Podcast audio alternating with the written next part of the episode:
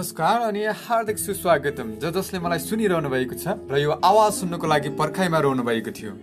आदरणीय श्रोताबिनहरू आज मैले विक्रम सम्बत उन्नाइस सय अन्ठाउन्नदेखि निरन्तर प्रकाशित गणतन्त्र नेपालको बहुभाषी राष्ट्रिय दैनिक गोर्खापत्र समाचार पत्रमा प्रकाशित निशुल्क डिजिटल पुस्तकालय समाचार पढ्न गइरहेको छु जुन समाचार शान्ति लामाद्वारा तयार पारिएको र यो समाचार दुई हजार सतहत्तर साल वैशाख सत्र गते बुधबार तदनुसार सन् दुई हजार बिस अप्रिल उन्नाइस तारिकका दिन प्रकाशित भएको समाचार हो। आउनुहोस् सुरु गरौँ।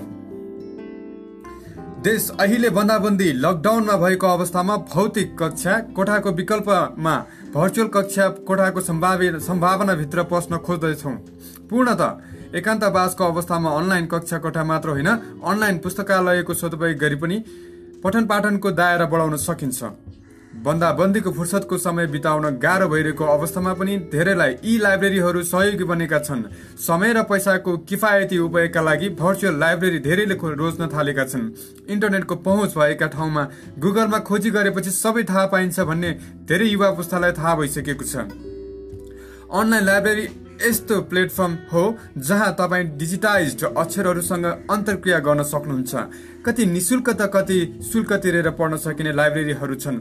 साहित्य समाज विज्ञान धर्म संस्कृति इतिहास दर्शन राजनीति जस्ता धेरै विषयका हजारौं किताब इन्टरनेटबाट निशुल्क डाउनलोड गरी आफ्नै घरमा कम्प्युटर वा मोबाइलमा पढ्न मिल्ने भएपछि किन लिने पुस्तकालयको चिन्ता? यही निशुल्क डिजिटल लाइब्रेरी बारे थाहा पाइराख्दा लकडाउनलाई अध्ययनमय बनाउन सकिन्छ। World digital library. यसलाई संसारको उत्कृष्ट निशुल्क अनलाइन लाइब्रेरी भन्दा फरक नपर्ला। अमेरिकाको लाइब्रेरी अफ कङ्ग्रेसका पहल कदमीलाई युनेस्कोले सहयोग गरेपछि यसको निर्माण भएको हो। यो लाइब्रेरीमा संसारभरका लाइब्रेरीको सहकार्य छ। सन् दुई हजार नौको अप्रिलमा खुल्ला गरिएको यो डिजिटल लाइब्रेरीमा संसारका लगभग सबै देशका किताब पाइने उल्लेख छ। पुस्तक पाण्डुलिपि नक्सा पत्रपत्रिका फोटो लगायतका विशाल डिजिटल सङ्ग्रहमा संसारका सात भाषामा मेटा डाटा र विवरण समेत दिइएको छ। बिब्लियोमेनिया। बिब्लियोमेनियामा निशुल्क अनलाइनमै पढ्न सकिने हजारौं पुस्तक राखिएका छन्। यसमा दुई हजार भन्दा बढी शास्त्रीय पठन सामग्री रहेको उल्लेख छ विश्वमा निकै रुचाइएका र पढिने स्रष्टाका आख्यान गैर आख्यान नाटक तथा कथा कविताको भण्डार यसको भर्चुअल सङ्ग्रहमा उपलब्ध छन्। लेखक र विधा छानेर चाहेका किताब तुरुन्तै पढ्न सकिन्छ।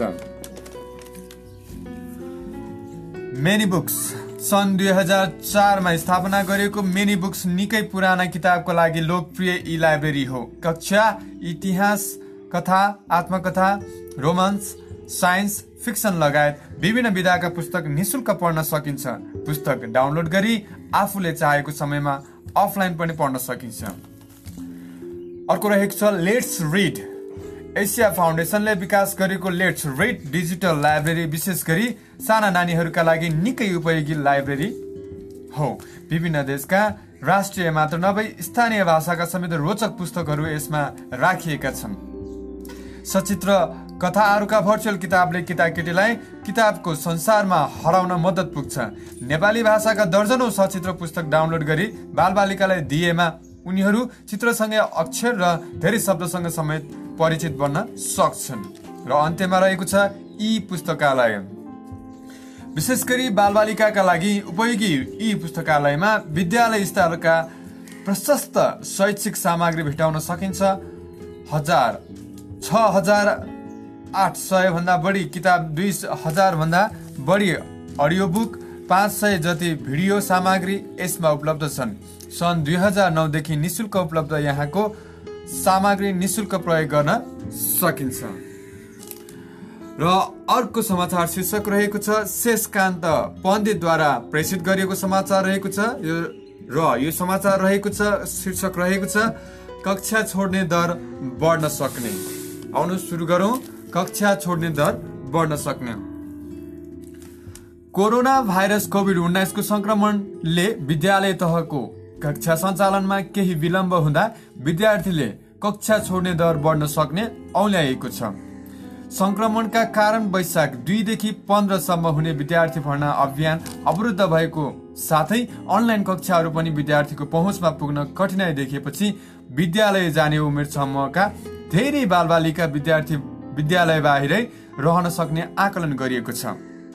यो अवस्थामा विद्यालय तथा शिक्षकले अभिभावक र विद्यार्थीसित सम्पर्कमा रहनुपर्ने तथा कक्षा सञ्चालन हुन नसकेको अवस्थामा पनि प्रविधि मार्फत विद्यार्थीको सिकाइलाई निरन्तरता दिनुपर्ने खाँचो शिक्षा सम्बन्धी व्यक्तिहरूले औल्याउनु भएको छ। यसमा स्थानीय सरकार र अभिभावकको पनि समन्वयकारी भूमिका अपेक्षित हुने जनाइएको छ। सहरबाट गाउँमा। अभिभावक सङ्घ नेपालका अध्यक्ष केशवपुरी कोरोना सङ्क्रमणले आफ्नो जीविकोपार्जन गर्न समस्या भएर पढ्नका लागि सहरी क्षेत्रमा बसेका झन्डै चालिस प्रतिशत मानिस गाउँमा पुगेका बताउनु हुनुहुन्छ बताउनुहुन्छ। जनजीवन सामान्य भएर आफ्नो व्यापार व्यवसाय तथा पेसा पुरानै अवस्थामा सञ्चालन आउने वातावरण नबनेसम्म गाउँमा पुगेका नागरिक सहरमा आउन नसक्ने भन्दै यसले बालबालिकाको पठन पाठनलाई प्रत्यक्ष रूपले प्रभावित पार्ने विश्लेषण छ। विद्यालय नखुलेको अवस्थामा पनि प्रविधिको माध्यमबाट विद्यार्थीको सिकाइलाई निरन्तरता दिने प्रयास गरिनुपर्छ उहाँको भनाइ छ। सम्पर्क नै जोड्ने कडी कडी।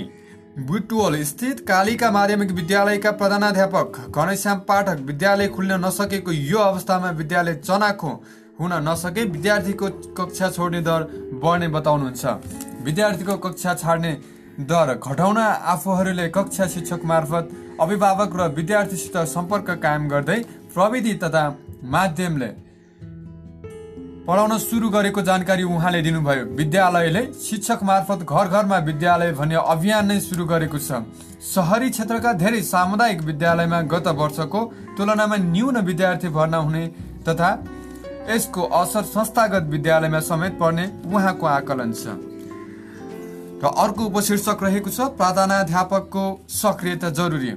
राजधानीको ज्ञानोदय माध्यमिक विद्यालय कलङ्कीका पूर्व प्रधानाध्यापक धनञ्जय शर्मा आफ्ना विद्यार्थी कहाँ छन् भन्ने कुरामा यति बेला विद्यालयका प्रधानाध्यापक सक्रिय हुनुपर्ने र त्यसो नगरे विद्यार्थीले कक्षा छोड्ने क्रम बढ्न सक्ने बताउनुहुन्छ।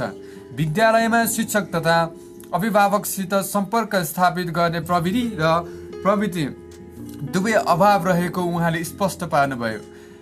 विद्यार्थीको पढाइ यसपटक दुई तिन महिना धकेलिने सक्ने भएकाले शिक्षकहरू सबैभन्दा चिन्तित हुनुपर्ने उहाँको भनाइ छ।